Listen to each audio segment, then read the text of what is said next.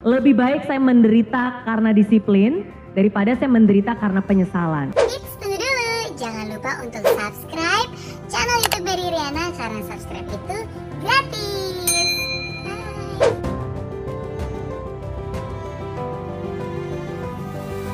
Setuju banget, um, it's good that kamu punya long term plan dan juga punya short term plan karena menurut saya harus ada dua-duanya. Dan ketika kita mendesain dream planner ini pun juga di dua-duanya. Jadi pertama itu adalah vision board. Kamu harus punya big visionnya tuh mau seperti apa, 10 tahun mendatang seperti apa, 25 tahun mendatang seperti apa. So you have to have a bigger picture. Nah tapi saya selalu percaya bahwa, um, percaya nggak sih bahwa kamu tuh bisa mendapatkan banyak hal. Oke, saya juga percaya. But you, you you can have everything but not all at the same time. Nah itu salah satu hal yang saya yakini. Kita mungkin bisa mendapatkan segalanya, tapi bukan segalanya sekaligus. Jadi do one step at a time. Nah makanya di Dream Planner ini juga khusus sudah dibuat. Kenapa Dream Planner dibuat? Ini berdasarkan dari pengalaman hidup saya sendiri. Bagaimana saya mewujudkan mimpi-mimpi itu di hidup saya. Dimulai dari mimpi besar, apa yang saya inginkan, otak kanan bekerja, visualisasi, berimajinasi, bermimpi. Tapi abis itu you have to choose one. Satu hal yang mau kamu fokuskan. Dan di situ otak kiri kita bekerja. Fokus satu hal dan itu kamu buat uh, plan, break it down. Dan bukan berarti kalau kita fokus akan satu hal berarti kita melupakan yang segalanya, enggak. Makanya uh, dengan kamu fokus akan satu hal berarti kamu memfokuskan tenaga dan resources kamu untuk mewujudkan hal itu. Karena kan resources kita terbatas, kita cuma punya waktu 24 jam. Kita juga punya kenalan juga terbatas. Jadi apa yang mau kamu fokuskan? Um, Contohnya sama seperti matahari, sinar matahari ada, ada begitu banyak, tapi hanya sinar matahari yang terfokuskan ke satu titik dengan kaca pembesar itu yang bisa membakar.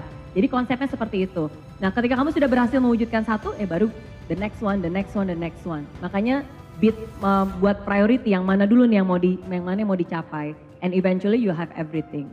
Gitu. Semoga menjawab pertanyaan. Yang paling penting adalah apa yang memotivate kamu.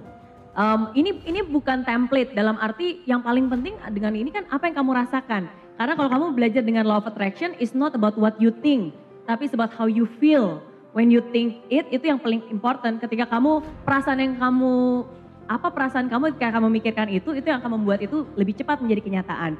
Jadi bebas apa yang membuat kamu lebih termotivasi. Ada yang lebih termotivasi kalau melihat big picture secara garis besar.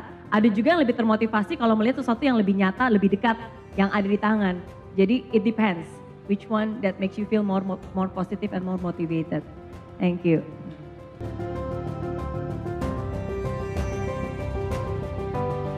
Untuk menyukai hal yang kita tidak sukai itu butuh waktu sih. Itu one at a time, step by step.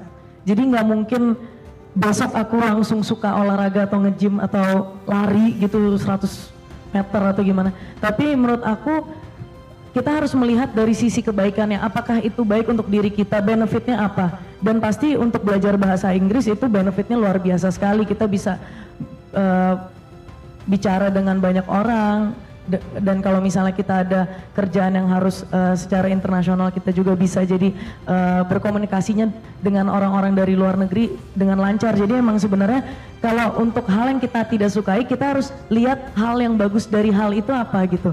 Dan pasti benefitnya banyak banget gitu. Dan misalnya kayak aku aku nggak suka olahraga tapi olahraga bagus buat kesehatan kita gitu misalnya. Dan menurut aku itu salah satu cara untuk kita melihat dari perspektif yang berbeda gitu. Jadi kita see from the bigger picture. Jadi dari dari hal yang lebih besar lagi kita lihat, oke okay, aku nggak suka tapi ini bagus buat aku gitu. Ini ini akan membuahkan hasil yang luar biasa gitu.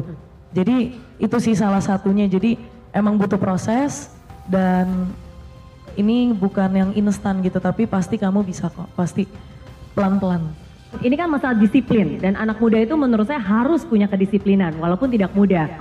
Tapi salah satu prinsip yang saya miliki adalah lebih baik saya menderita karena disiplin daripada saya menderita karena penyesalan. Saya nggak mau suatu saat nanti saya menderita karena menyesal. Aduh, coba kalau dulu saya belajar bahasa Inggris, coba kalau dulu saya do ini, do itu, saya pasti bakal bisa bla bla bla dan seterusnya. Jadi lebih baik saya menderita karena disiplin daripada saya menderita karena penyesalan.